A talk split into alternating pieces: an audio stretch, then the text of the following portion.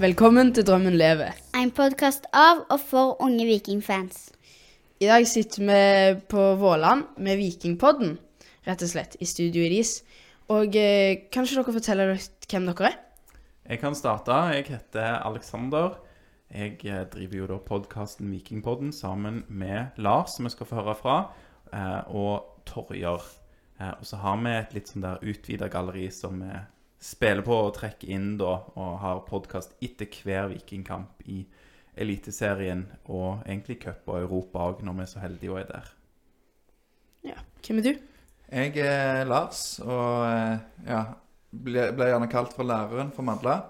For jeg er lærer og driver podkasten sammen med Alexander og Torjer. Og et galleri med et knippe andre mennesker som er veldig kjekke, kjekke folk som er med. Hvor er Torjer henne? Han studerer i en by som vi ikke liker å nevne. Vi prøver å lokke han tilbake til Stavanger, da. Men han er ennå student. Um, så vi, vi starta jo denne podkasten òg i pandemien, og da var ikke det et problem at han var student, for da var han så mye bare inne på dataen og på Zoom og hadde timer der. Men så har han dratt og blitt sånn ordentlig student i denne byen som vi ikke vil snakke om. Men det som er fint, eh, fint med det, er jo at eh, da kan vi liksom sende videoen og sånt til han. Og så sitter han klar å jobbe da, når vi har liksom, er sliten etter en lang episode. Så, så begynner hans jobb. Han er veldig gøy å ha med i eh, podkast, men det er jo kjekkest å spille inn når alle er i samme rom og vi ikke har på link. Så Ja. Derfor så er vi veldig glad for at han bidrar da på, sånn som Lars sa, da, med litt sånn i bakgrunnen på sosiale medier og legge ut podkast og sånn. Hvordan begynte dere med Vikingpodden? Ja, men det var jo i pandemien, så det var litt sånn typisk gjerne at en, en hadde noen ville gjøre. Men ideen starta vel året før. Altså i, etter opprykket i 2019, 2018 så begynte vi å snakke om det. Men så kom eh, Så var jo Studio A kommet, og så kom Felt O, så vi venta liksom og så litt. Og så følte vi vel at det var um, en åpning da for noe annet enn det som både Studio A og Felt O var, som er veldig kjekke podkaster som vi hører på. Hvor lenge har dere sånn cirka holdt på? To og et halvt år var den første juni 2020, Lars. Stemmer det? Det var litt sein sesongstart det året. Riktig. Altså, det var skitt en kamp. Vi hadde vel eh, episoder før sesongen 2020, stemmer det? Ja, jeg tror vi hadde, vi hadde en sånn eh, det vi kaller for piloter, som var liksom en der vi prøvde litt å finne ut vi, hvordan vi skulle gjøre det. Og så var det en før en treningskamp mot Sandnes, eller etter en treningskamp mot Sandnes, og så en sånn Nå starter sesongen, hvor, eh, hvordan går det? Og da jo, begynte jo sesongen. Vi var ikke så veldig gode i begynnelsen, så jeg må si jeg er litt imponert av dere som har begynt. For jeg syns dere begynte veldig sånn rett på og fikk et veldig bra produkt veldig tidlig. Og det syns jeg ikke vi lyktes helt med, da. Så vi har jo brukt 150 episoder på å bli litt bedre. Forhåpentligvis er vi litt bedre nå enn vi var når vi Det er starta. koselig at du sier. Ja, jeg, jeg liker å høre på dere. Jeg hører på dere hver gang. Og det er masse fint som kommer der. Det er godt å høre. Men ja, la oss snakke litt om sesongen, da. For vi begynte jo å gå på stadion Oi, vi begynte å gå på stadion eh, etter pandemien. På den der eh, gjenåpningskampen når eh, Frodi spilte og sang, og det var Og Tore Pang sang, og Det var jo veldig gøy høst med bronse, og alt gikk jo ganske bra. Og så fikk vi Viking pluss, eller sånn sesongkort, da, til denne sesongen. Og det skulle jo bli kjempebra. Vi trodde det skulle bli en så bra sesong. Og vi trodde faktisk at det kunne bli gull. Hva forventninger hadde dere til sesongen? Jeg kan jo starte, for jeg hadde, var mest optimistisk. Eh, jeg tenkte at Viking kunne ta gull, og det var jo mitt tabelltips før årets sesong. Eh, og det så jo veldig lenge veldig bra ut, sånn som du sa, Elia. Der eh, det, vi lå på, på førsteplass til langt ut på våren, og jeg følte det bodde nok i dette vikinglaget da, til å ta gull. Men så er det jo ting som skjer gjennom en sesong, og det har kanskje svingt enda mer enn de fleste hadde trodd, så jeg ender jo opp med å ta ganske feil. Lars, du var litt mer nøktern. Ja, men bare litt. Jeg tror jeg tippte de på andreplass. Eh, etter en tredjeplass i fjor så trodde jeg det skulle gå litt bedre. Eh, men eh, ja. Du, du sier det har svingt, men da dessverre så har det liksom svingt én vei, og så har vi fortsatt på den veien Ja. i høsten, så ja. Det, det var en god start. Var det noen spillere dere hadde spesielt tro på? før sesongen. Eh, altså Tangen hadde jo en veldig god sesong i fjor. Så han trodde vi jo skulle være en veldig viktig spiller. Og så var det sånn vi snakket med folk, og mange som snakket om Sondre Aukland, Som hadde et lite håp om han òg. Han fikk jo en stor smell. ja, hatt en skikkelig kjip sesong med masse skader. Så Og så bygger man jo gjerne et eh, godt fotballag litt bakfra med en sånn god defensiv struktur. Så um, der var jo disse midtstopperne vi fikk inn i fjor med Gianni Stensnes og David Brekalo, de så jo rågode ut og er jo fortsatt veldig gode midtstoppere. Eh, så jeg hadde veldig tro på at de skulle liksom legge grunnlaget da, bakfra. Hadde dere troen, forresten? Var dere optimistiske da, Til sesongen. til sesongen? Ja. Jeg var kjempeoptimistisk. Jeg, eh, jeg syns vi vant så mye, og vi var så gode, jeg. jeg var. Men jeg, jeg tror ikke vi Ja, altså, jeg begynte å tenke gull i mai og sånt, sant, men det kommer tilbake etterpå. Men ja. um, jeg tenkte kanskje på sånn Jeg tenkte at vi bare skulle være på pallen, ja. Det tenkte jeg. Mm. Du tenkte òg, du? Frida, eller? Mm, ja, eller jeg tenkte i hvert fall at vi skulle komme minst høyere opp enn en femteplass. Ja. Så ja. Det hadde jo vært en godkjent sesong. Ja Altså, jeg hadde jo ganske tro på Bell. Jeg likte han godt, men han ble jo solgt. Hva tenkte dere når han ble solgt? Jeg begynner på den. Lars kan få begynne. Lars kan røpe det at han er den som følger mest med på Brønnby, for der er det jo tre tidligere vikingspillere i Henrik Heggheim og Sebastian Sebulonsen og Joe Bell. Ja.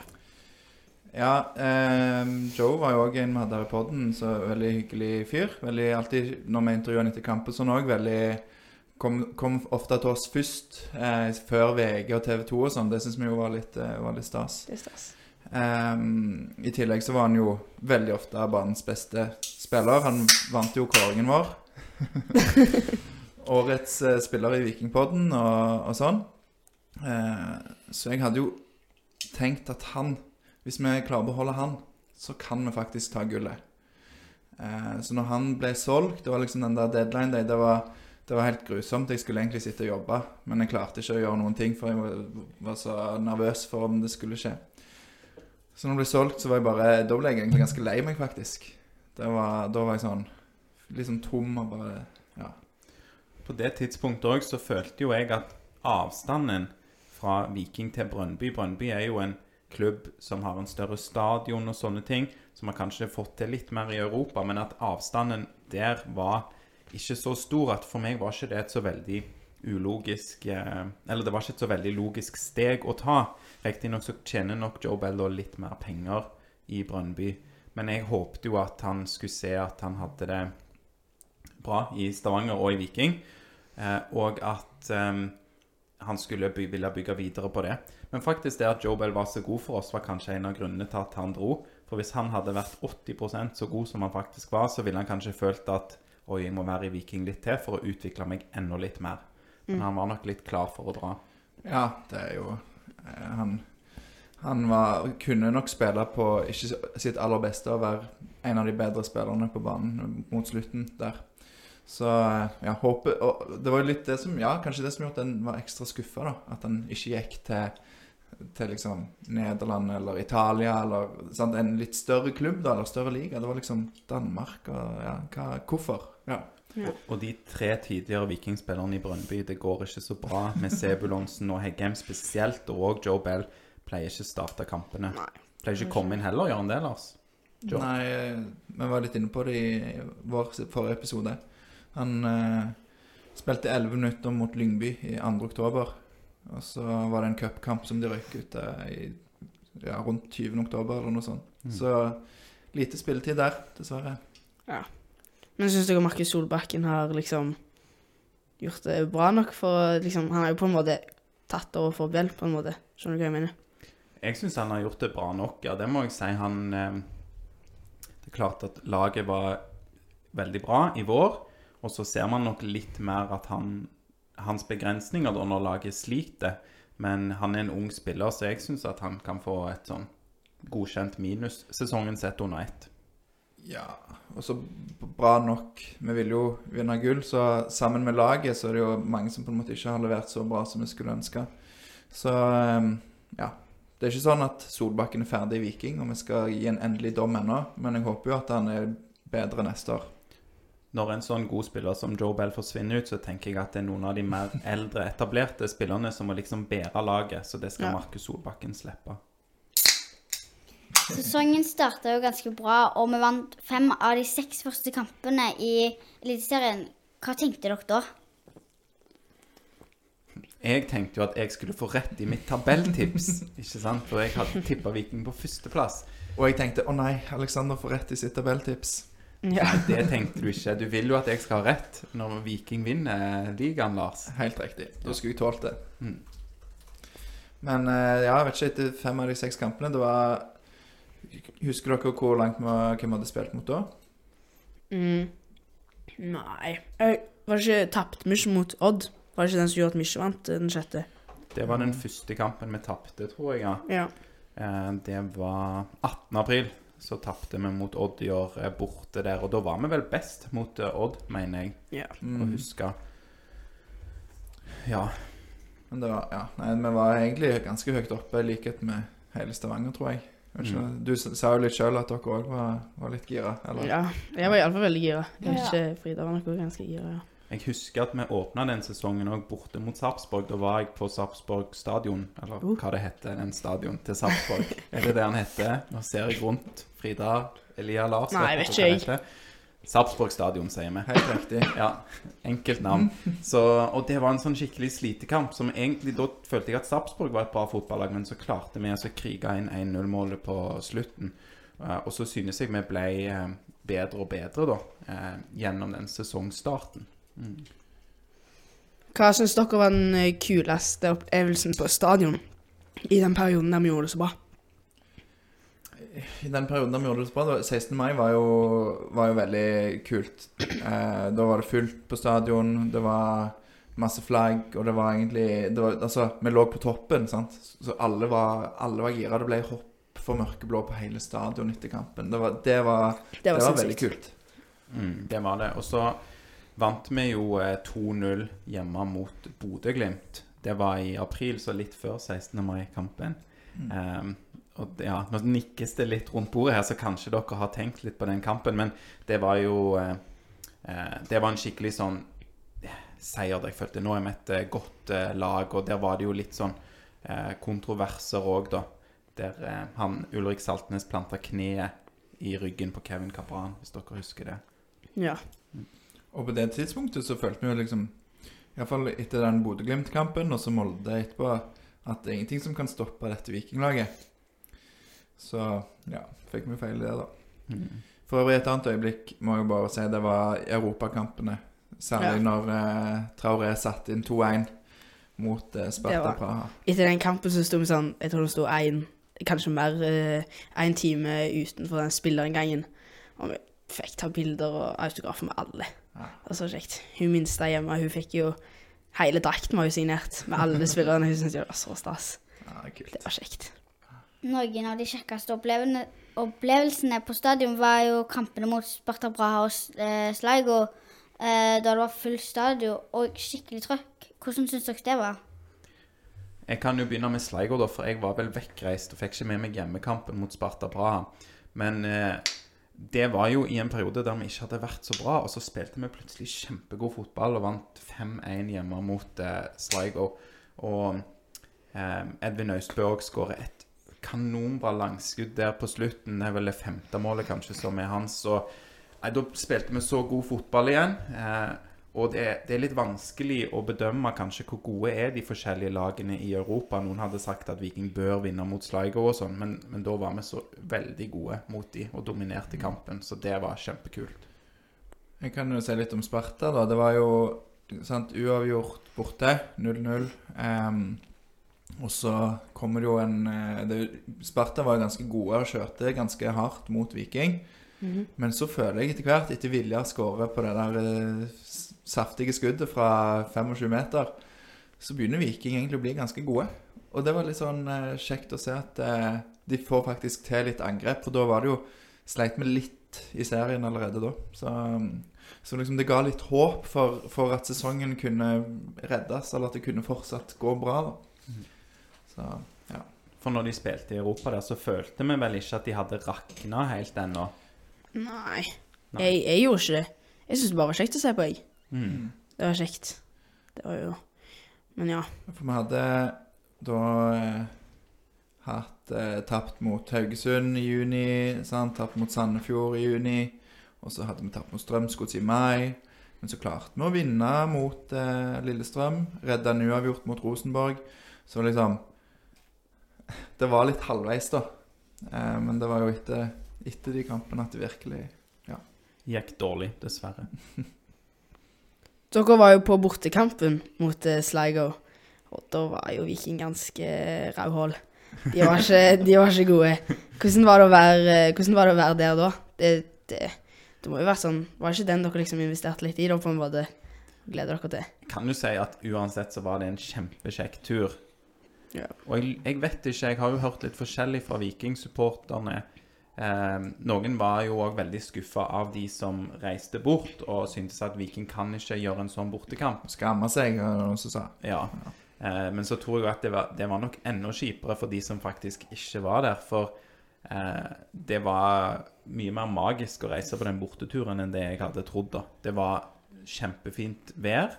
Ehm, det høres jo litt sånn teit ut å si, men, men for de som kjenner Irland, så vet de at det kan være litt sånn Stavanger-vær der. ikke sant? Litt sånn yr i lufta, eller kanskje regna enda mer.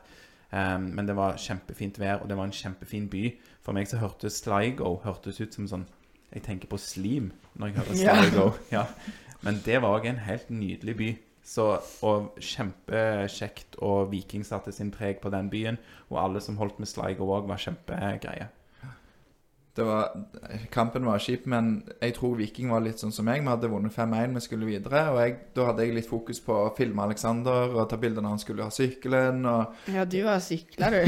Ja, da hadde jeg jo sykkeltur eh, hjem fra Sligo, holdt jeg på å si. Jeg juksa litt. Jeg tok litt tog i begynnelsen, og så sykla jeg 180 km etterpå. Det, Ja, det, det er bra, da. ja det var det ligger det dessverre ikke video av på YouTube. Jeg prøvde å få han til å lage en eh, reisevlogg, Ja, men det hadde vært dritlig.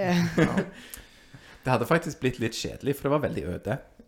Så det var Var det noen som ble med deg og sykla? Nei, jeg sykla alene. Det var fordi at Lars skulle reise hjem. Så tenkte jeg sånn Jeg vil ikke reise hjem etter bare to dager i Irland. Nei. Eh, Så da må jeg finne på noe alene. Og da tenkte jeg OK, jeg sykler. Så det gikk veldig bra, altså. Det var bare litt øde. Skjønner. Vi var på bortetur i sommer mot Vålerenga, og da tapte vi 4-2. Eh, har dere vært på mange borteturer, og hvordan syns dere det er? jeg var på bortetur der vi tapte 4-2 mot Haugesund. eh, så eh, Den, den var jeg òg med på. Det var i 2021, var det det, Lars? Og i 2022, for meg. Ja, du var på begge to, ja. Ja da. Så eh, den er vel kanskje en av de få jeg har vært på i år, tror jeg. Ja, det, jeg syns jo det er veldig kjekt på bortetur. Jeg kan jo si at det, i år har det jo vært noen litt kjipe. Var ikke du på Lerkendal? Jeg var på Lerkendal i år, når vi tapte 4-1. Og det vil jeg jo si, det har jeg sagt på, i Vikingpodden òg, men det syns jeg er den dårligst, eh, dårligste coacha kampen. Eh, eller der trenerne har mest skyld. Ja. For jeg vet ikke om dere Dere har sikkert fått med dere at det er mye diskusjon om Viking skal ha fire i forsvar, eller om de skal ha fem i forsvar, ikke sant? ja. Og mange er sånn Ja, Viking må spille med så, såkalt 4-3-3, for det, det er sånn Viking har spilt i alle år, og sånn, et sånn lag skal vi være. Men det som er fakta nå, er jo at Viking har nesten ikke spilt 4-3-3 med fire i forsvar. Og så hadde de fått litt resultater med, med fem i forsvar. Og så går de til, reiser de opp til Lerkendal, og så bytter de, og så spiller de med fire i forsvar. Og så flytter de Sondre Bjørsol over på venstreback, og der hadde ikke han spilt jeg, jeg vet ikke. Han spiller ikke der. Han er høyreback. Så det var en veldig skuffende bortekamp for meg i år. Var veldig skuffa. Og istedenfor at de f.eks. spiller med Rolf Daniel Vikstøl, som er venstreback. ja. Men jeg har opplevd kule borteturer òg, altså. Når, Som jeg syns jo f.eks. i 2019 så spilte vi òg mot Vålerenga.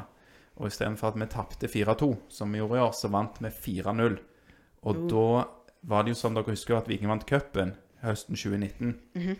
Og for at Viking skulle liksom ha eh, spillerne uthvilt til cupkampene den høsten, så spilte de med et Kall det et lite B-lag mot Vålerenga borte, og så vinner vi 4-0.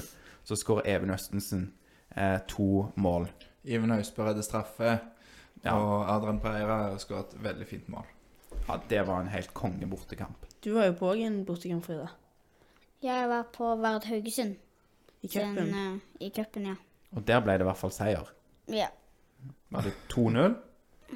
2-1, tror jeg, ja. 2-1. Ja. Altså, var det- det var da jeg begynte å skjønne at nå går kanskje litt ned, og det skal jo ikke vinne 2-1 mot Vard Haugesund. Var det vi, mer. det var, det, den husker jeg jeg fulgte litt med på, men det var Det var liksom siste skoledag. Eh, Ja. Så jeg var Jeg hadde egentlig tenkt å reise, men så var jeg så sliten. så, så da var jeg heller og så han på, på, på telefonen hjemme. Men det så ikke ut som den kjekkeste kampen å være på, nei. Men det var Viljar, var det ikke det, som skårte på, på slutten og sørget for at vi gikk videre? Men tror du, Frida, at det kan være litt vanskelig for spillerne å motivere seg når det er sånn De er vant til å spille mot eliteserielag, og så skal de spille mot lag fra Obos-ligaen og kanskje til og med andredivisjon? Jeg hadde i hvert fall syntes det hadde vært veldig rart, og ja, jeg tror kanskje det. At det er vanskelig for dem? Ja. Ja. De bør jo være profesjonelle, men det er nok litt sånn at man er litt ekstra tent da, hvis man skal møte Rosenborg og Molde og Bodø-Glimt. De var sikkert ganske sånn Ja, vi vinner denne lett òg, når de spilte mot Hverdagshuset òg. Så jeg Ja. tror ikke de liksom ga så mye trøkk på den. Og de, de gjorde jo nok, da, til å Ja. vinne. Ja. Jeg så kanskje, men jeg bare tipper at de ikke var sånn helt på. Mm. Når begynte dere å tenke at nå går det ikke så bra lenger? Mm. Um, godt spørsmål. Uh, det var vel kanskje Kanskje på den Haugesund-kampen borte. Selv om da fikk vi jo et rødt kort. Men da hadde vi òg Skal vi bare finne hvor, hvor vi var da. Da hadde vi jo bare tre dager før vunnet 2-1 mot Verd. Og så hadde vi tapt uka før hjemme mot Sandefjord. Eh, og tapt mot Strømsgodset, så det var liksom Da hadde vi tapt noen kamper. Og så går vi på den smellen etter egentlig en god start, og du da, da begynte jeg å tenke sånn Kanskje det kan bli tøft. Så dette var i juni. Helt riktig. Ja, Slutten av juni. Jeg må innrømme at jeg følte ikke jeg tenkte så mye på det før etter vi var ferdige i Europa.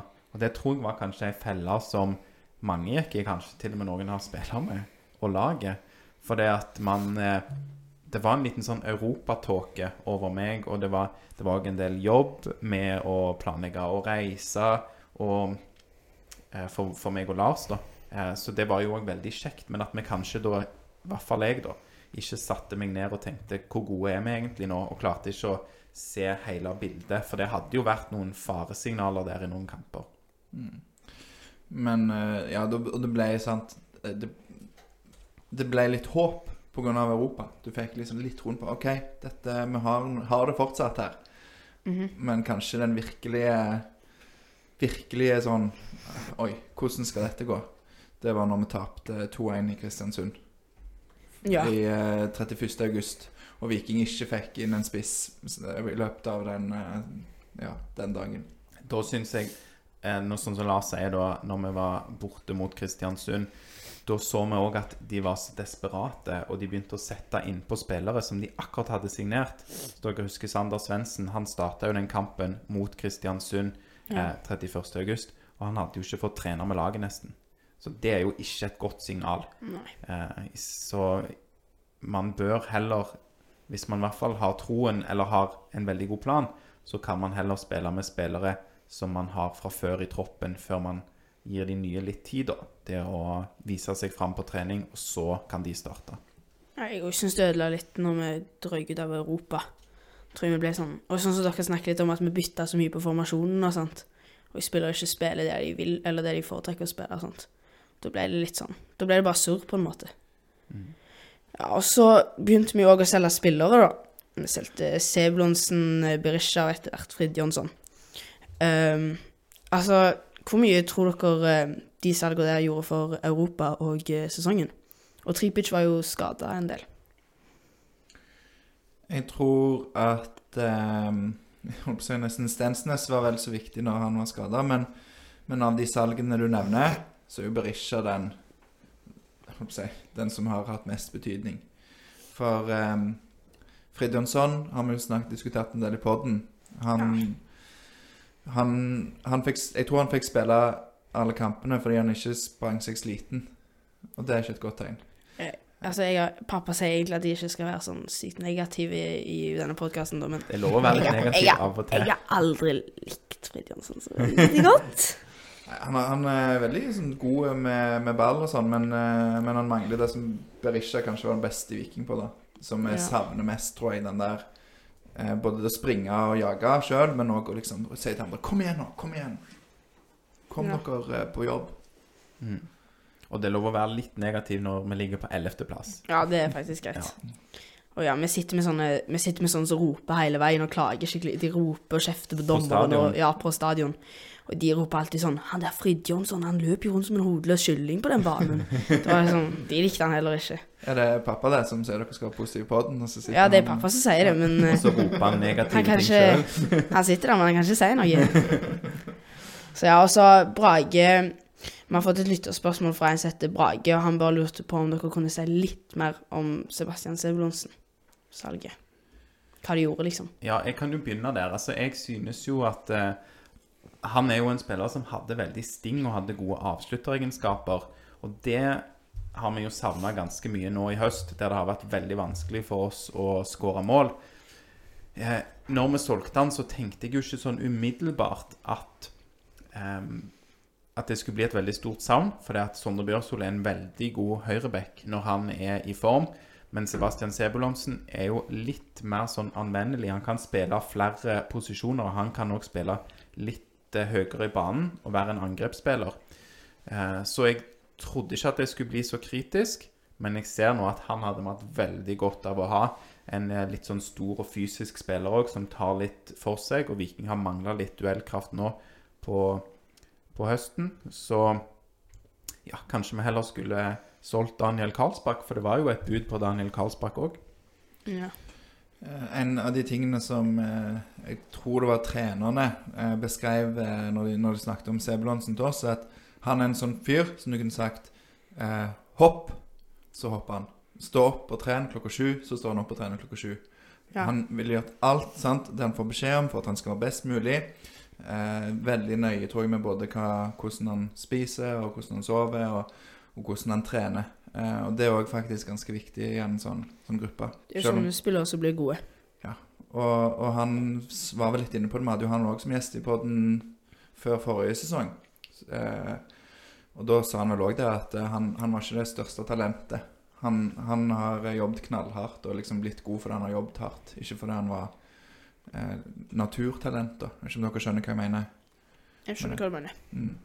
Han var jo eh, Han sa jo òg til oss at han var en av de første som fikk sånn der eh, Vi kaller det vel sånn sports-BH når vi tøyser litt, da, men sånn Ja. Sånn som sånn vest du har på deg som måler hvor langt du springer og sånn, for det ville han veldig gjerne få ha. For han ville ha litt sånn statistikk på seg sjøl, hvor langt han hadde sprunget, og for å kunne bli enda bedre, da. Og det gjorde han på eget initiativ. Det husker jeg han sa. Vi har jo spurt både treneren og løperen hvorfor det har gått så dårlig i høst. Eh, og eh, de sier at det er mange grunner. Hvorfor tenker dere at det har gått så dårlig? Ja, det er bra du spør oss òg, for vi vet det enda bedre. Det, nei, jeg vet ikke om vi vet det bedre enn de, men um, vi bruker jo mye Vi tenker mye på dette, Lars. Det kan vi vel si. K- Etter hver kamp så sitter vi og tenker litt sånn litt større enn bare den ene kampen. da Hvorfor har det gått uh, så dårlig? Så jeg skal si det veldig enkelt, så tror jeg da at de solgte Du måtte selge Joe Bell i, før sesongen. For jeg tror hvis han hadde blitt, så tror jeg ikke Berisha hadde vært så gira på å stikke. Jeg tror òg laget ville vært bedre. Eh, Jeg tror en veldig viktig grunn òg er dette med Europa. Det, der hadde vi en utfordring som noen av de andre lagene i Eliteserien ikke har, og det er at veldig få hadde vært med på det før. Sant? Du har f.eks. Erik Nevland, som er sportssjef. Han har jo eh, vært med som spiller, men både han og trenerne, og egentlig vel alle spillerne, har ikke den erfaringen. Og det Jeg håper at vi nå har lært da, hvordan vi må løse det hvis vi kommer til Europa igjen. Eller forhåpentligvis når vi kommer til Europa igjen. Vi kan vinne cupen. vi kan vinne cupen, og da kan vi få det så, ja, så snart som eh, mulig, holdt jeg på å si. Men Men, men der var det mange som ikke hadde vært med på en sånn reise i Europa før, og det, det ble veldig, veldig feil. Eh, og så er det jo noen andre ting òg, med Lars nevnte salg av Joe Bell, og mange peker jo på salg av Veton Brisja. Og det er nok litt kanskje både at vi solgte han, og måten det skjedde på, da. Det var litt støy, så det er ikke så bra. Hva, um, hva tror dere, da? Grunnen? Ja. Mm. Nei, altså, jeg vet ikke. Hvis vi tar utgangspunkt ifra at det var etter Europa at det gikk så dårlig, da, så tenker jeg at de bare Da var de så De, de, de Jeg følte liksom at de ble så mye mer slitne. De gadd ikke så mye mer. De presset ikke like høyt. De var ikke De var ikke sånn på hele veien. Og ja, sånn vetoen han Det var jo han som fikk de på, på en måte. Så når du ikke hadde en sånn en, så ble det jo litt sånn, da, på en måte. Jeg tror òg at eh, trenerne har vært for kreative. Sånn som jeg sa, når, når eh, de mangler en venstreback fordi at Shane Patinama er skada, og så skal Sondre Bjørshol plutselig spille på venstrebacken borte mot Rosenborg, istedenfor at Vikstøl. Vikstøl, du stoler på de spillerne du har, at de kan settes inn i de, i de rollene. Og det så vi òg nå borte mot eh, Bodø-Glimt eh, sist, som endte opp med å tape 5-4 bare for eh, ja, fire dager siden. Så er det, er det behov for å gjøre et uh, bytte. Og da må plutselig Kevin Cabran spille på midtbanen, og det har han ikke spilt hele sesongen. Så istedenfor å sette inn spillere der, man, eh, der de er vant til å spille, så plutselig må han ned der. Og det er, ikke, det er ikke lett for han å løse det midt i en kamp. Ja, det var jo sånn uh, mot Vålerenga. Det var rett etter den der uh, Sparta Praha-kampen borte. Da spilte Fridtjonsson som spiss sammen med Karlsbakk. Det var jo noe av det tulleste Ja, det var så tulleste. Ja, det er et veldig godt eksempel. Um, uh, der- dere intervjuer jo ofte spillerne og trenerne etter kampene. Har dere merka veldig på stemningen at stemningen på en måte har endra seg uh, når de har eh, Når det har gått dårlig, og når det har gått uh, bedre? Jeg er jo ikke så glad i å intervjue, altså jeg pleier å sende Lars for å gjøre de intervjuene når jeg kan. Har du, Hva syns du, Lars? Eh, jo, det vil jeg jo absolutt si. Det er jo veldig stor forskjell på å være der eh, der en gjør intervjuer etter en, en seier og et tap. Og det var veldig stor forskjell fra i mai, 16. mai f.eks., til nå i, i november, når, eh, når det har gått så dårlig. Ehm, og det, det, er jo, det er jo ikke så rart, for at eh, spillerne vil jo gjerne sant? De vil jo være gode, de vil jo vinne. Og så blir de veldig skuffa når de ikke får det til så godt som de vil.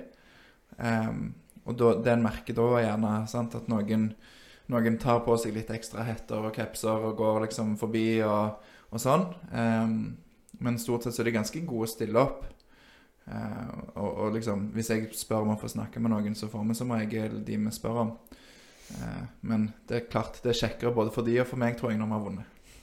Men sånn, når de går forbi, så må du stoppe dem på en måte, eller, eller går de til deg sjøl på en måte, hvis de føler for det? Hvis jeg har spurt om de, for det, vi, vi har en sånn person som vi sender melding til og sier vi vil gjerne snakke med disse. Ja. Og det er gjerne typisk hvis eh, Enten hvis vi har snakket veldig mye om eh, Sondre Bjørsol, og så skjer det noe med han, så passer det godt å snakke med han for oss.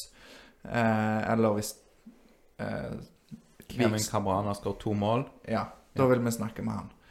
Eh, men det går òg an, og det har jeg gjort eh, særlig med de som jeg eh, har snakket en del med, sånn som Viljar f.eks., eller Niklas òg en sånn type som du bare kan Kan jeg få to ord med deg på veien ut, liksom?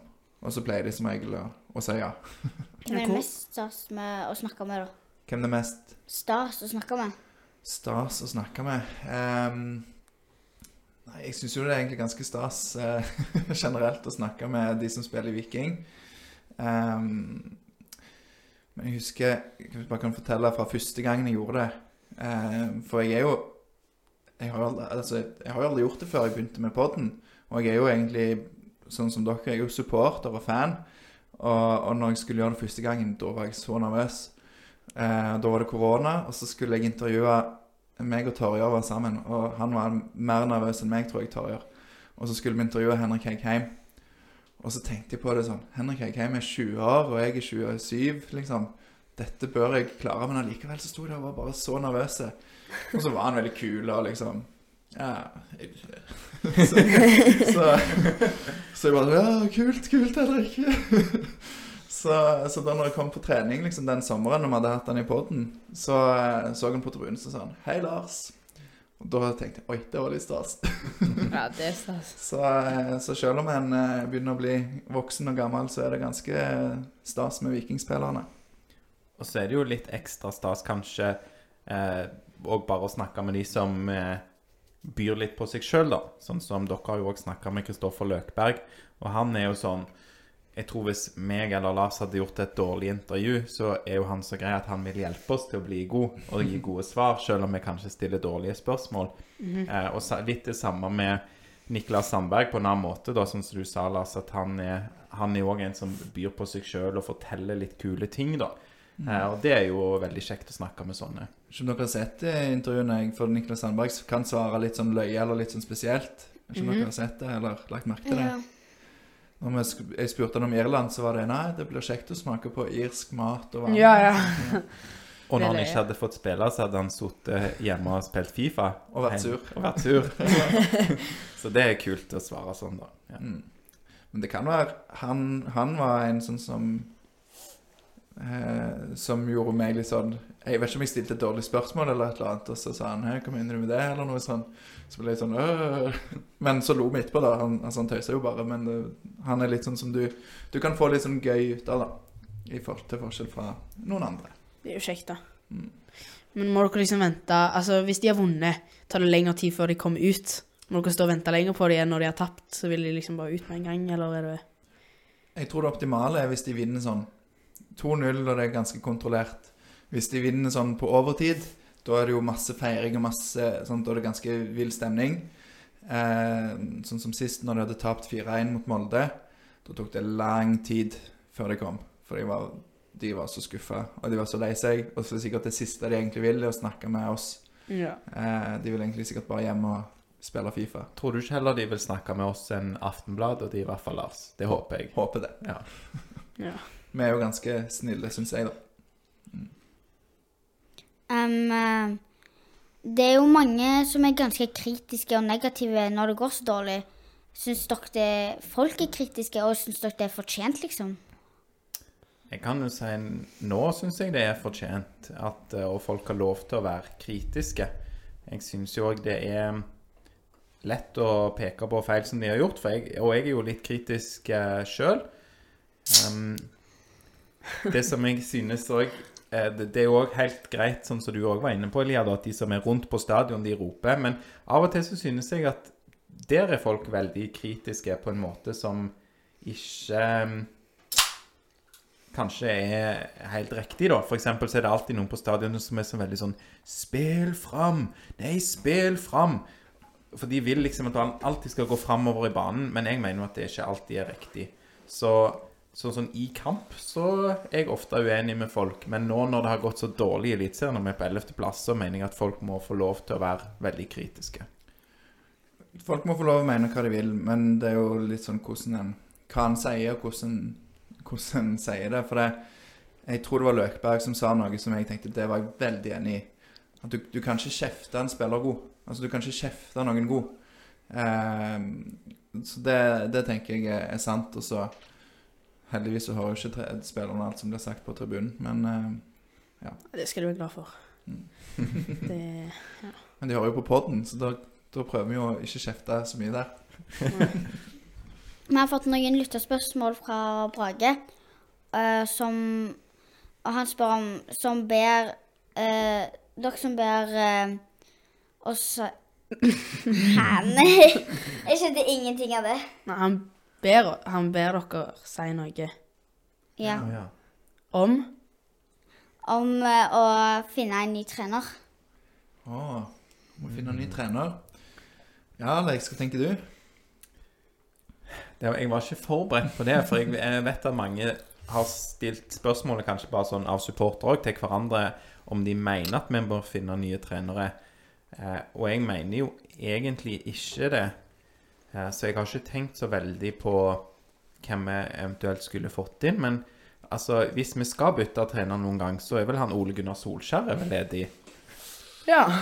Lars, du, du rister litt på hodet av det. Ja, det, det, er det er jo litt eh, Ja, jeg vet ikke. Det er Molde og Solbakken og de tingene der som er litt sånn eh, kontroversielt, Ja, men han, Ole Gunnar Solskjær han er jo fra Kristiansund. Det er sant. Det, det hadde ikke vært så dumt, sikkert det. Men det som er, det som er nå, vet du, er at det er veldig dyrt å sparke trenere. Så jeg vil heller at Viking skal bruke pengene på en ny spiss, istedenfor å sparke både Morten Jensen og Bjarte Lund Årsheim, som de må betale ganske mye for å gjøre. Ja, jeg er enig.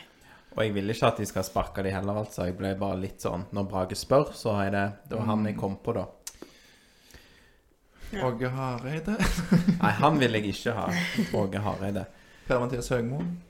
Bjarne Berntsen. Bjarne Berntsen. Bjarne Berntsen, ja. Han, han Bjarne Berntsen han har jobb i ett år til i Sandnes Ulf, eh, tror jeg, så det Ja. eh, Men jeg tror at Morten Jensen og Bjarte Lund Årsheim, så lenge spillerne stiller seg bak de, så tror jeg at de har det som skal til. Og litt som jeg sa òg med dette med at det ikke gikk så veldig bra når de skulle både spille kamper i Europa og i Eliteserien. Nå har vi fått en lærepenge som har vært veldig vond. Eh, og, men nå må de ha lært. Nå må de ha lært hvordan det skal balansere. Og nå har vi på en måte investert i disse at de skulle få lære dette. Og så håper jeg de har gjort det, og at de gjør dette veldig mye bedre neste gang. Og at de takler denne typen motgang mye bedre. Og eh, Ole spør dere om eh, hva som er årets opptur, selv om sesongen ikke ble det som vi håpa på. Det må jo ha vært noe som var bra. Og da skal jeg gjøre det litt vanskelig for dere, så vi må gjøre det fra når det gikk nedover, da. Turen. Ja, det er jo kanskje litt sånn siden det skjedde sist, men det var jo mye bra i Bodø, selv om vi slipper inn fem mål. Eh, Bodø-Glimt, Viking 5-4. Eh, når Kevin Cabran skårer to mål, det syns jeg var Da tenkte jeg Det er mange som er kritiske til han. Ja, og da tenkte jeg at det var veldig deilig at han fikk to mål, og at, eh, at han eh, han fikk en liten opptur, han, og det var litt opptur for meg òg. Som i poden så har jeg blitt kalt for hans store forsvarer, da. Ja, Lars er litt sånn Han forsvarer Kevin Cabran litt av og til. Og kanskje du får rett, Lars, til slutt. Kanskje han nå spiller enda bedre nå i siste kamp mot Odd. Og at han er kjempegod for Viking neste år òg, så det får vi jo håpe.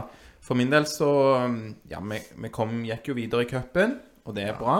Eh, Kristiansund, som er vant mot da 12. oktober eh, på SR Bank Arena, de har jo spilt mye bedre i det siste enn det de gjorde i begynnelsen av sesongen, for da var de kjempedårlige. Så det var en eh, opptur. Eh, og så Vi vant jo en, kamp, en annen kamp i høst òg. Vi vant to. Den andre var mot HamKam Ja. Så vi får jo si at det òg var en slags opptur, da. Å vinne der. Det var ikke noe fin, Bare så vidt. det var ikke noe fin fotballkamp, men det er bra med tre poeng. Ja, det er digg. Og så kan vi jo si at den eh, blir spilt inn før Odd-kampen, så sesongen er ikke helt ferdig ennå. Men vi kan jo være litt sånn optimistiske og se litt inn i framtida, si. Odd-kampen på hjemmebane. Det var en fantastisk kamp. Ja, De som det. ikke var der, de gikk glipp av noe fantastisk, altså. Vi sier det. Men ja, vi legger jo merke til at dere noen ganger intervjuer dommerne etter kampen når de har gjort litt sånn rare avgjørelser og sånt. Er det ikke litt sånn skummelt å være litt sånn kritiske til de, da? Litt sånn si sånn I dag var det litt sånn Er ikke det litt skummelt? Det, det er jo det. Det er jo jeg som har intervjua dommerne. Um, og, men sånn Jeg tror jeg har intervjuet tre dommere. Han ene var Rohit Saggi i Haugesund etter at Løkberg hadde fått et uh, helt feil rødt kort. Um, men Rohit Saggi er en veldig sånn uh, Han er hva kan jeg si, veldig sånn åpen og, og grei fyr, så han, han skjønte jo hva jeg ville snakke med ham om, og skjønte at det ville vi synes var feil. Eh, så forklarer han hva han så, og hvorfor han gjorde som han gjorde. Og da er det vanskelig for meg å si ja, men det var feil. For jeg er jo ikke dommer, sant? Jeg bare, da får jeg en forklaring, og så sånn OK, jeg er ikke enig, men greit. Eh, og så er han var litt morsom, eh, så jeg husker bare at han lo mye. Han andre dommeren jeg intervjuet òg, var litt sånn Ja, jeg skjønner, skjønner det, dette var det jeg så, og det er lov å være uenig. Så det er egentlig litt det samme. Men han siste nå, han eh, Christian Moen etter den uh, kampen der uh, Mot Molde? Ja, var det mot Molde?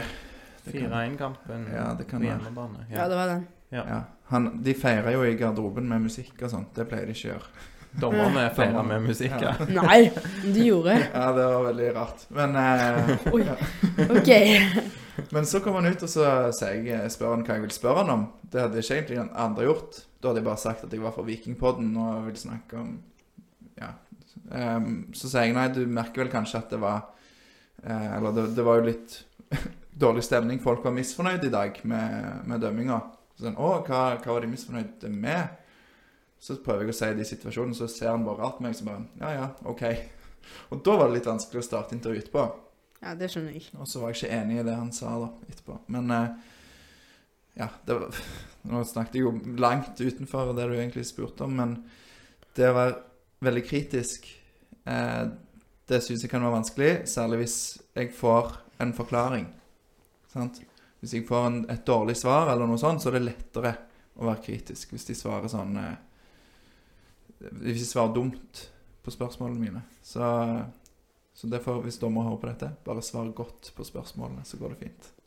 Ja. um, um, har dere noen morsomme ting som har skjedd når dere har uh, vært der nede og intervjua? Noen morsomme ting. Den, den morsomste er jo kanskje den som har blitt sett mest av alt vi har gjort. Eh, da var det ikke meg eller Alexander eller Torjar som var der. Da var det, Vi har jo noen eh, skal vi kalle de superreserver da, som vi henter inn av og til podkasten. En av de som har vært med lengst, heter Pål Jæger Jacobsen. Så han og eh, en kompis som jeg nå har glemt hva heter Jeg òg. Ja, Det var litt dumt, for han har ikke vært gjest i podkasten. Han har bare vært og hjulpet på stadion med intervjuer. Men eh, de intervjuer jo Veton Berisha når han Dag Eilif Fagermo, treneren til Vålerenga, kom og sa unnskyld for at han hadde kalt Veton Berisha for en gris. Har dere sett dette intervjuet? Nei. Nei, for det kan vi sende til dere. Det er litt gøy. Så da, ja, da spurte jo um, Eurosport og andre da, om de kunne bruke eh, vårt eh, videomateriale. Fordi at det hadde blitt et så kult intervju. Og, så vi skal jo egentlig Pål står der og skal stille spørsmål til Veton Berisha. Sånn helt vanlig. Ja, var du fornøyd med kampen? Og vi hadde vel vunnet mot Vålerenga. Og så kommer han Dag Eile Fagermo bare bort og sier sånn Du er ikke en gris, og sånn, til Veton Berisha. Så det var gøy. Og så Veton er jo kul og sa det. Ja, jeg mokker jo ned alle spillerne dine, de må trene mer i gymmen. Eh, så det ble en veldig morsom greie, da. Og så syns jeg òg bare en liten ting som jeg syns er veldig gøy med det. Fordi nå intervjuer, intervjuer jo jeg en del sjøl. Og jeg husker sant, de første gangene, som jeg sa, så var jeg veldig, veldig nervøs. Og det tror jeg Pål òg var. For hvis det hadde skjedd med meg nå, så hadde det vært lettere liksom Oi, hva skjedde nå, vet han, liksom. Eller tatt videre. Men Pål han bare går rett videre, helt seriøst, på neste spørsmål. og det syns jeg er ganske gøy, for eh, jeg kjenner meg veldig igjen i det. Holde seg til manus. Ja, lettere det. Og så kan vi jo gå over til spillerne, da. Hvem syns dere har vært de beste på Vikinger? Vanskelig. Og det har vi snakket om litt òg, for vi har jo gjort det sånn de to siste sesongene at vi tar børskarakterene, for vi setter jo børs på spillerne, gir de en karakter, og så tar vi og se, legger det ut på sosiale medier at folk kan få stemme da, blant de eh, fire eller fem som har fått høyest karakter, hvem de mener var best. Og i år er jo en veldig rar sesong, som har snudd helt, der det begynte bra og gikk dårlig, som vi allerede har snakka om. Så denne blir vanskelig, òg fordi at noen av de som har vært gode for oss, de har blitt solgt. Så Men jeg syns jo f.eks. at Janni han har hatt en ganske god sesong. Han har kommet tilbake fra skade og er en veldig god fotballspiller. Og får jo ikke skinne han heller når laget er så dårlige, men jeg syns at han er en veldig god spiller som har levert bra for oss i en vanskelig sesong. Og så er det veldig få som har vært gode over lang tid etter at eh, det begynte å gå dårlig. Det var jo en periode Viljar Vevatn hadde sånn fem ganger på rad at han fikk best karakter hos oss. Og så har han hatt en del kamper der han har fått nesten dårligst eh, karakter. Så det har liksom svingt veldig for så mange, da. Så det er det som kanskje gjør det litt vanskelig. Men eh, Viljar var viktig i Europa. Eh, Slatko Tripic var veldig god i begynnelsen og har vært en viktig spiller, selvfølgelig. Eh, Gunnarsson er jo kanskje har, har jo har spilt alt. Så Ja. det er jo òg noe som teller inn. Det er ikke, og, og vi har snakket om det i poden òg. Det er ikke så mange mål som er liksom hans feil. Ehm, så det Ja. Så vil jeg òg si at i de siste kampene så ser Brekalo, David Brekalo ser for meg dobbelt så god ut som de andre midtstopperne han spiller sammen med. Eh, og han f.eks. når vi spilte hjemme mot Molde forrige hjemmekamp, og vi tapte 4-1, så eide han han eh, Fofana, som er veldig god på Molde. Han eide han i alle duellene. Men eh, så er det jo klart at han Fofana er en, en god spiller, da. Og det er ikke alltid sånn at han er- skal én mot én mot David Brekalo. Han ja. Det som er med Brekalo, er at han er, han er litt sånn som jeg sier med Herman Haugen. Han er, han er så stor og sterk at han nesten er skummel. Så du tør liksom ikke Hvis han kommer løpende mot deg, så trekker du litt tilbake. Tør ikke gå mot han. det er, han, er, han er skummel. Han, er- ja. ja, han er skummel. Hvem syns dere, da? Du, Frida, for eksempel. Um, ja, det er jo det at Gunnarsson Det er ikke hans feil at han har sluppet mål, så jeg, og han har jo redda litt òg. Eller han har redda ganske mye òg. Så jeg syns egentlig han har vært ganske god. Og så syns jeg Tripic Mm. Han har pressa høyt og hjulpet laget litt, føler jeg. Ja. Du da, Elia? Jeg syns Tripic har liksom Han starta jo veldig bra, men jeg syns han har dabba litt ned, sånn som resten av laget òg.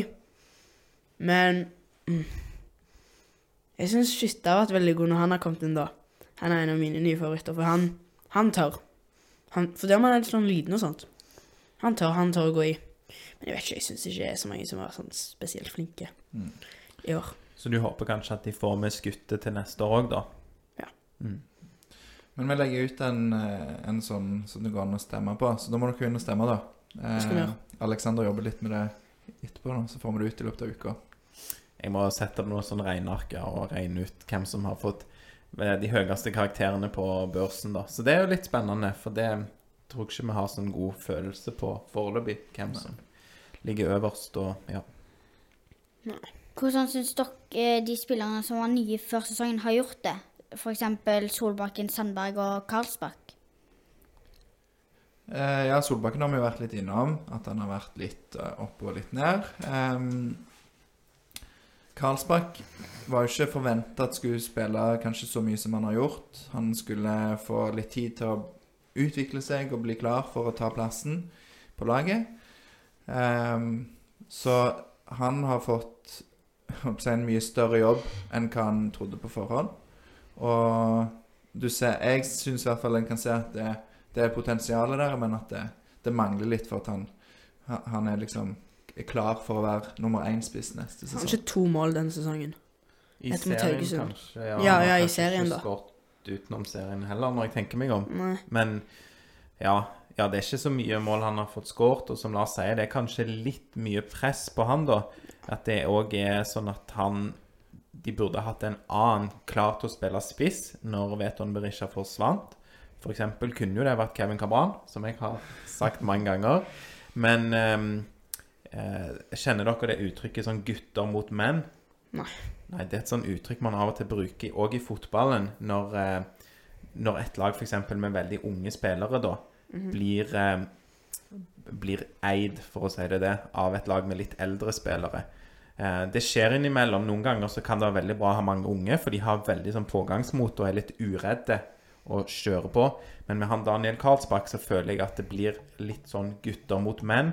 At han gjerne møter folk som er ganske mye eldre og, og større og sterkere enn seg, og at han da mangler litt, og at han må ta noen steg før han er klar for å spille fast på dette nivået. trenerne sa jo til oss at de, de altså liksom At uh, Mai Traoré kunne jo godt ha spilt nå, men at de trodde at han liksom kanskje var i god form når Veton Berisha spilte så mye, og spilte i 90, 90 minutter hele tida.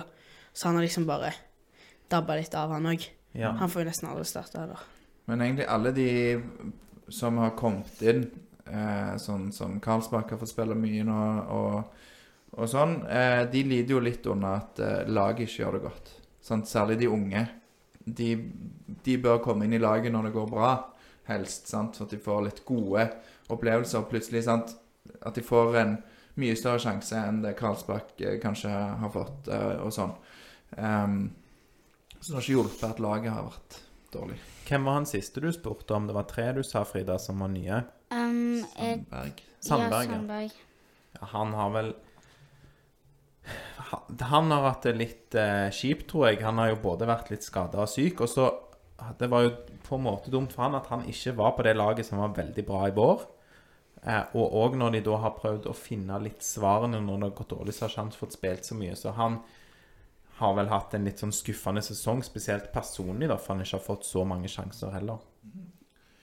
Jeg tror vel Vi diskuterte faktisk han òg litt i eh, siste episode av poden etter Bodø-Glimt, at det, han er vel en sånn spiller som alle håper og tror at skal gjøre det bedre neste år.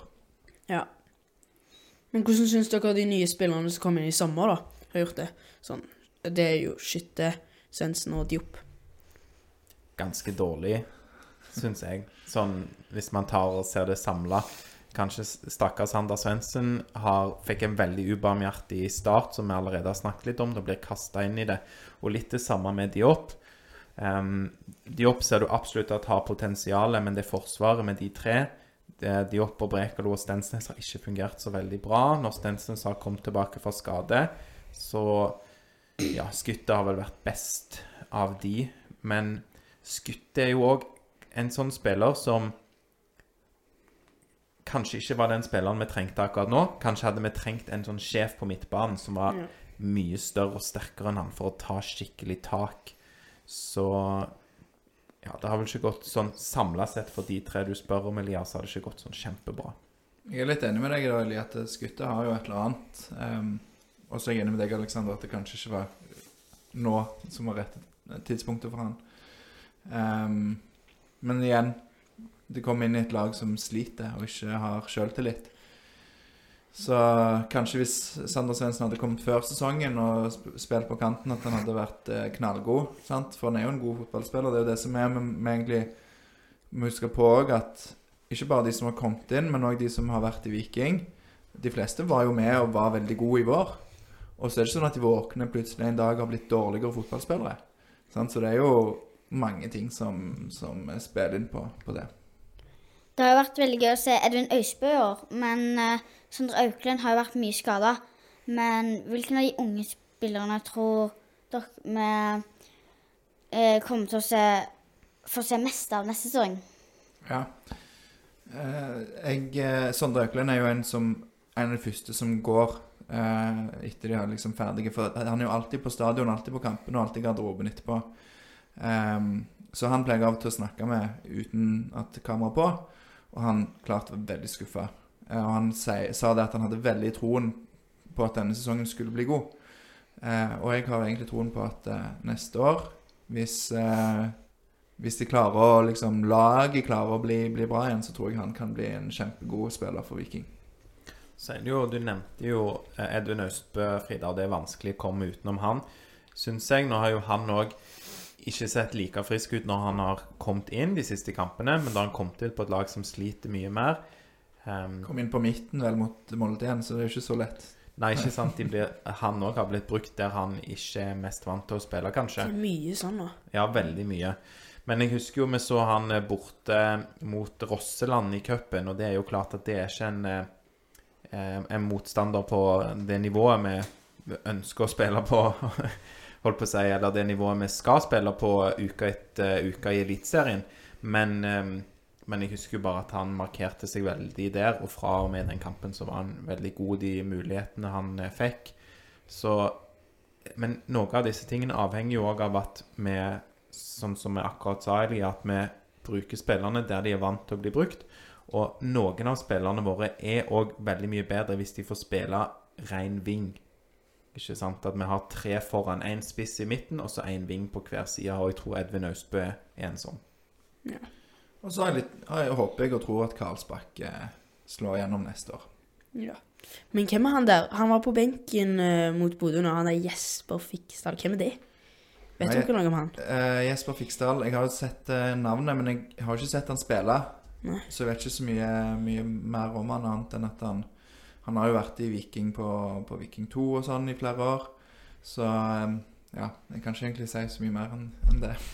Så dere vet ikke noe om han, liksom? Nei, Lars kan mest om Jesper Fiksdal, så her var vi ikke veldig gode. Ja. Angriper står det på internett. Ja, det gjør det. Vikstøl har jo ikke fått spille så mye denne sesongen. Og han er jo snart ferdig. Eller han er jo ferdig etter denne i Viking. Og jeg syns dere at han s- burde fått spilt litt mer denne sesongen. Sånn som mot, eller nei, sånn som mot Rosenborg på Lerkendal, da. Ja, jeg syns absolutt det. Eh, fordi at han har vært god i kampene han har spilt. Og nå nevnte vi allerede den Rosenborg-kampen borte mot Rosenborg. Da ble han jo kasta inn og begynner å trykke til duellene med en gang han kommer inn. Så han tilbyr noe litt annet og er en del tøffere enn f.eks. Eh, Sondre Bjørsol. Sondre Bjørsol er en veldig god back, men han er veldig kompromissløs, Rolf Daniel Vikstøl. Og av og til mot veldig gode lag gode kanter, kantspillere på motstanderlagene, så trenger du en spiller som Rolf Daniel Vikstøl, som eh, ja, setter inn en takling og setter ut motstanderen litt. Han elsker det å, å sette inn takling og markere seg litt mot eh, motspillere. Det tror jeg eh, dette laget kunne trengt litt mer av. Men i utgangspunktet så eh, Når Patinama, som er vårt førstevalg, så burde han burde han starte for en Vikstøl, men når, når han har vært skada, så syns jeg Vikstøl burde fått mer tid. Julie har sendt inn lytterspørsmål og spurt hva dere tror kommer til å skje i neste sesong med Viking, og hva som må til for å bli bedre neste sesong. Ja, det, det er mange ting, tror jeg. Men eh, jeg tror egentlig at det vil hjelpe veldig mye å ta en god ferie. Og komme litt vekk. Og, og få gjort litt andre ting.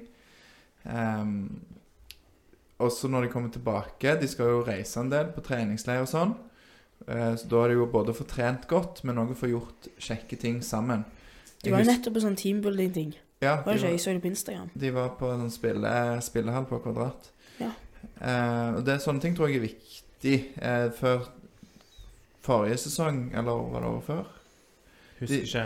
Ja. Da dro de jo til Sirdal og var i, i snøen. Så jeg tenker kanskje det er det de gjør. Dra til Sirdal og, og snøvaske hverandre og ake og ha akekonkurranse, sånn som de hadde da. Det var vel før 2021, ja. At de Ja. gjorde det. Da ble det jo bronse i serien, så det må jo være det. Som, det var det, tror du ikke det?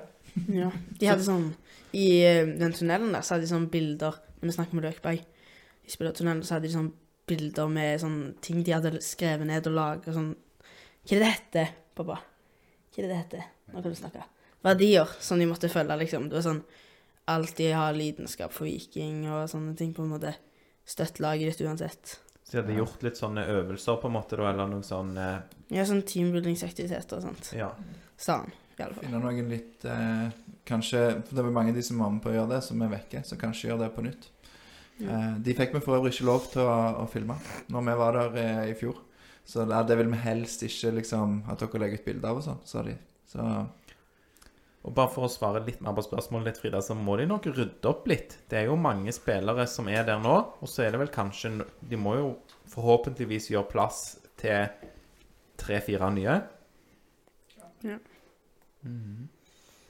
Herman har òg sendt inn lytterspørsmål, og der spør han Hvorfor investerer ikke Viking i et par gode spillere?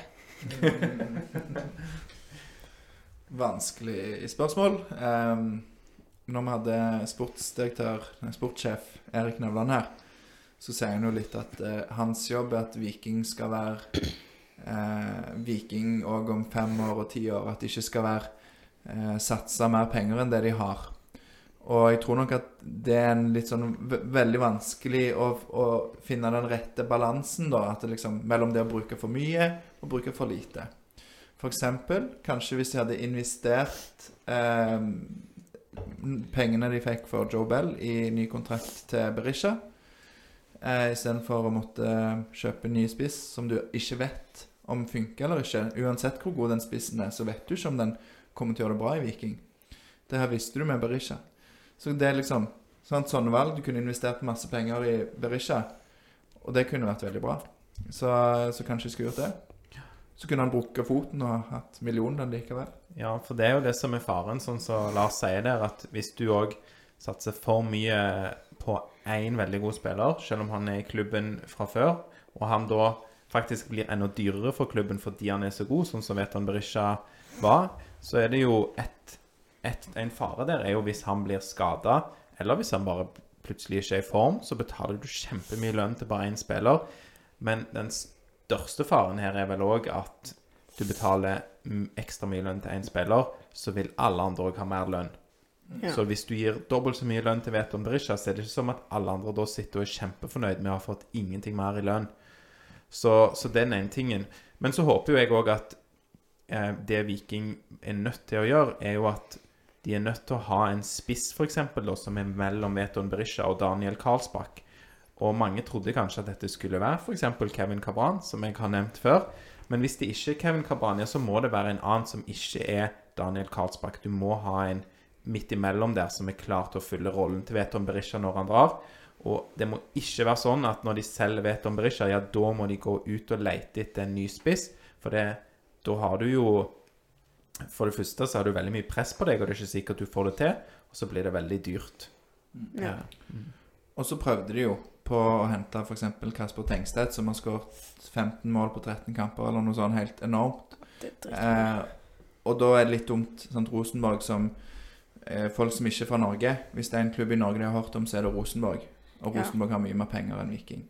Og så var det en fra Nederland som plutselig begynte å skåre mål der, som, eh, som egentlig var enig med Viking i, i det meste. Det var liksom bare en sånn noen siste detaljer som skulle bli enige om. Men så skåret han et hat trick, og så får han høre at større klubber i andre land er interessert, og da, da vil han vente.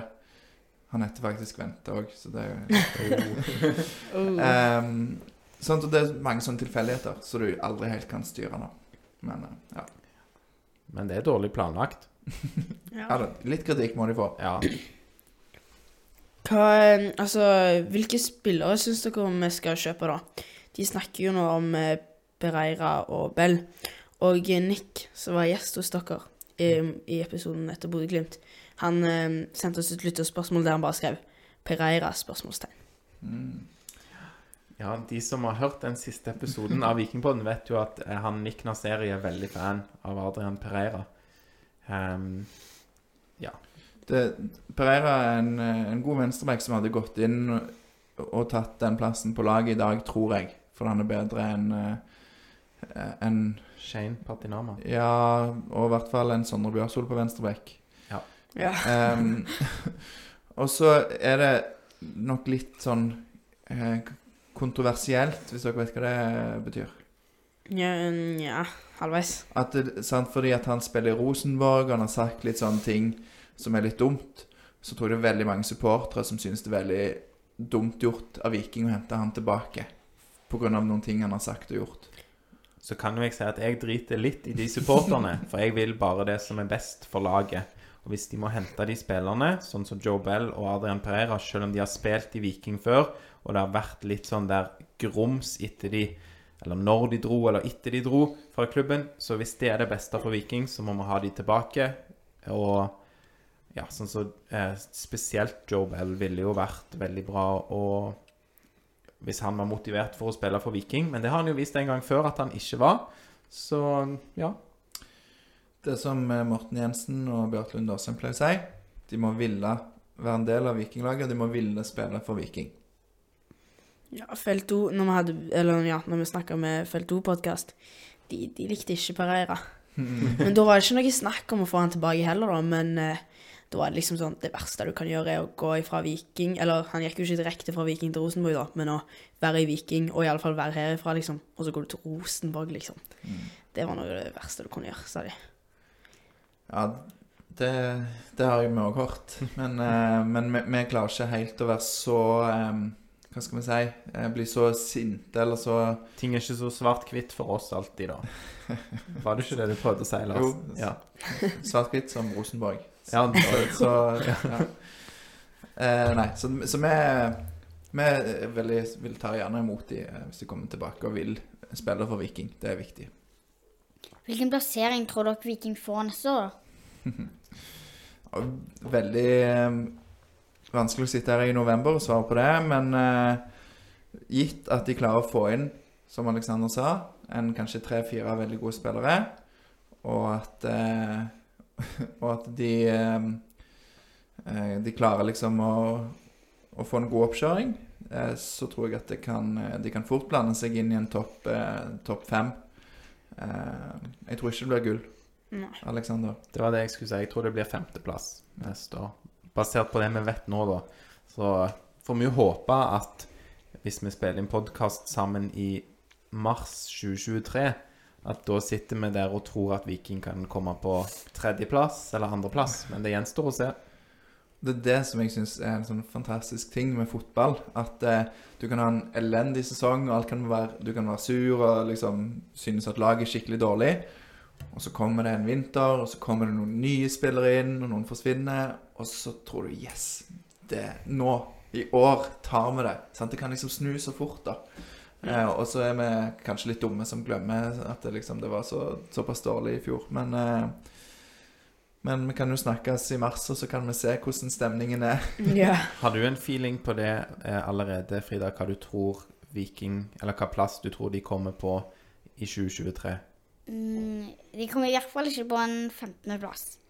Nei. Um, Det ville vært krise. ja, men jeg tipper nok hvis de hadde gjort det, og de hadde, hvis de hadde røket ned til Obos, så tror jeg de hadde vært veldig gode i Obos.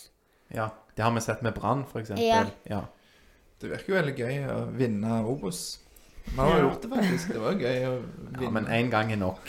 Det var sånn, Vi møtte en sånn eh, en fra Bergen en gang når vi skulle til kamp som pappa skjønte. Og da var det liksom sånn Han syntes egentlig det bare var litt greit at Bergen eh, Nei, at Brann var i Obos, for da vant de jo bare. Mm. Han syntes det var mye kjekkere når de var i Eliteserien. Så Ja, men det er jo ingen som vil ned. Det er liksom Det er jo det, da.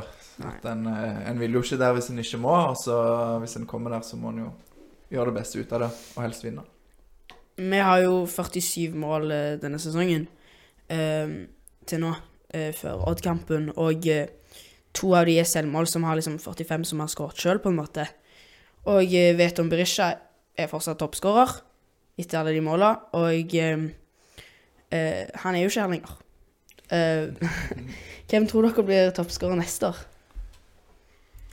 Jeg kan si at av de spissene vi har da, i, uh, i Mai Traoré, Sander Svendsen og Daniel Karlsbakk, så føler jeg det bor eh, mest sting og gode avslutteregenskaper i Mai Traoré. Så kan man jo òg regne med Kevin Cabran, håper jeg. Og han kan fort, hvis han får spille spiss, så kan han skåre flest mål av de vi har i dag. Jeg tror Karlsbakk. Jeg tror han har en skikkelig god vinter. Han trener masse i, i gymmen. Og så kommer han til sesongoppkjøringen, og så viser han at han er, han er klar for jobben. Litt ønsketenkning, litt håp, men kanskje. Tror dere det blir godt med litt eh, vikingpause nå? Og, eller, dere, eller ønsker dere å kunne gå på stadion igjen neste uke? Det er et godt spørsmål. Jeg syns det er vanskelig å svare på.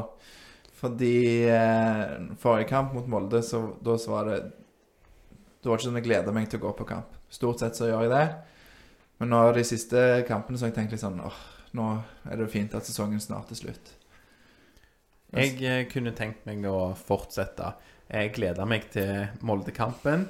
Eh, så var det veldig surt at det ble tap. Men for meg så er sånn annenhver uke det er en slags pause. Det er jo passe å gå på stadion annenhver uke. Så kan vi heller ha noen perioder der vi går enda oftere. Men så kom sant, og så litt som vi snakket om, at vi er litt dumme. Eh, for eh, mot Bodø-Glimt igjen, så ble det liksom, da var det sinnssykt kjekt. Og nå gleder jeg meg masse til å gå på stadion på, på søndag igjen. Så det kan snu veldig fort, da.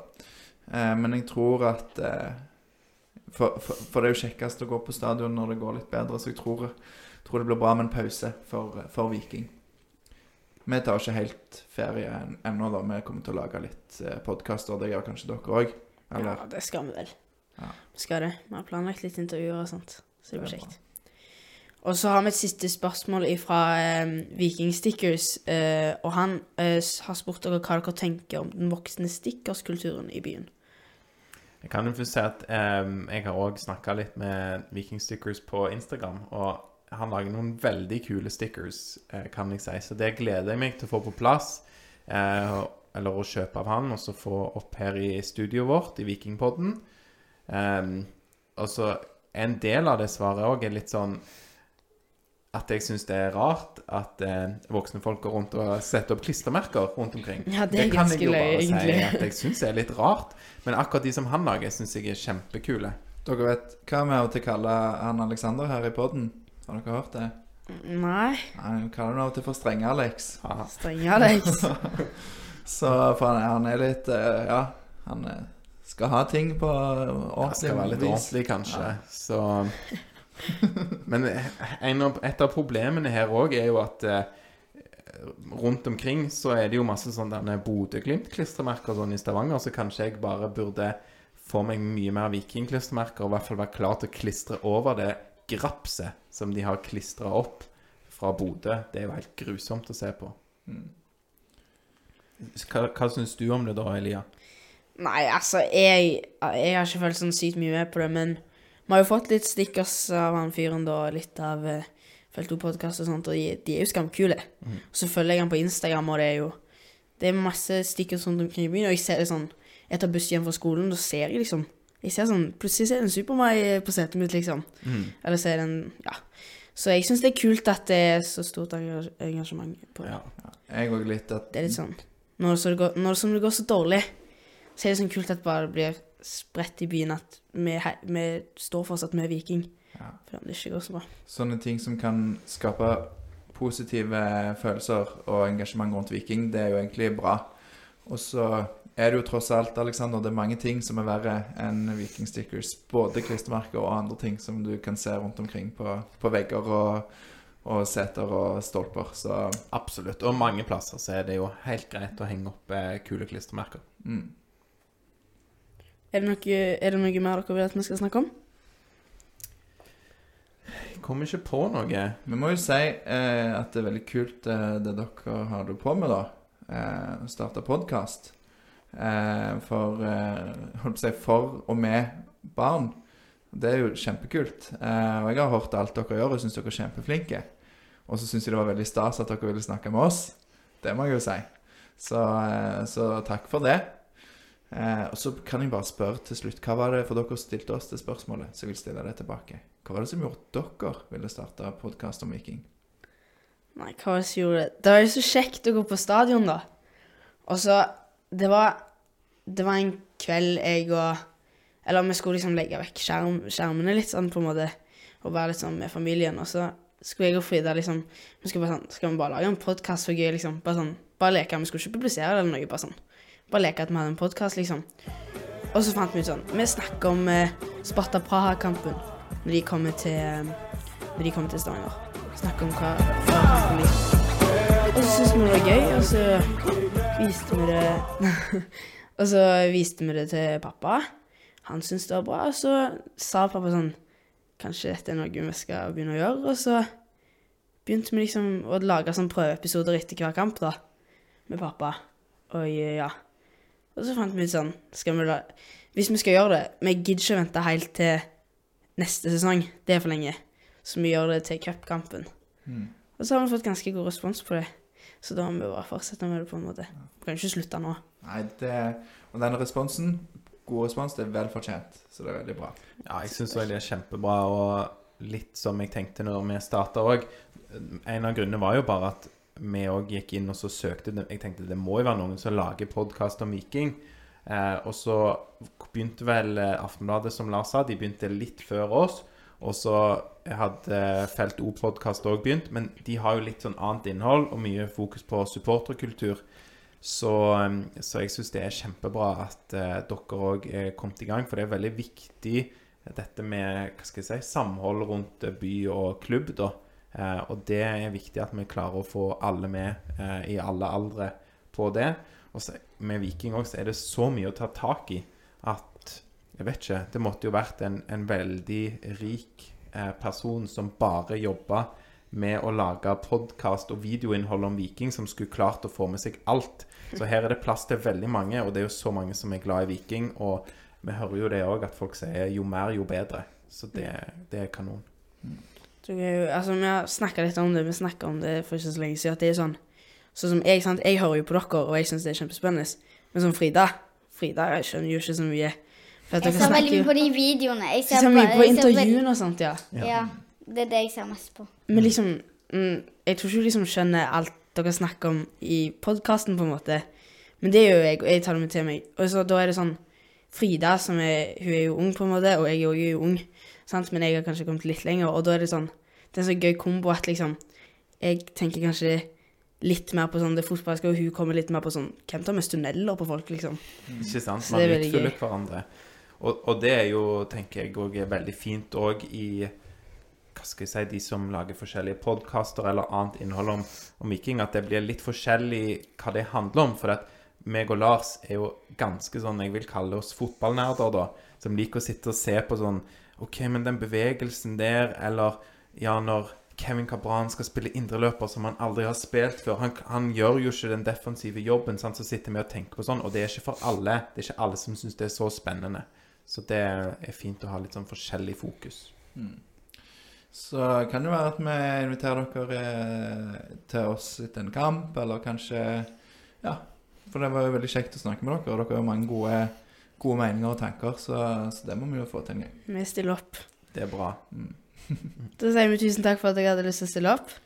Takk for at dere eh, hosta, holdt jeg på å si. Ja. Og hadde med brus og snop og det var luksus. Det var veldig kjekt. Så takk for at dere ville ha oss. Hvordan ble dere å slutte podkasten? Hvordan pleier vi å slutte podkasten? Vi pleier vel å si sånn Og dette var Drømmen lever. En podkast av og for unge vikingfans. Heia Viking! Heia Heia Viking.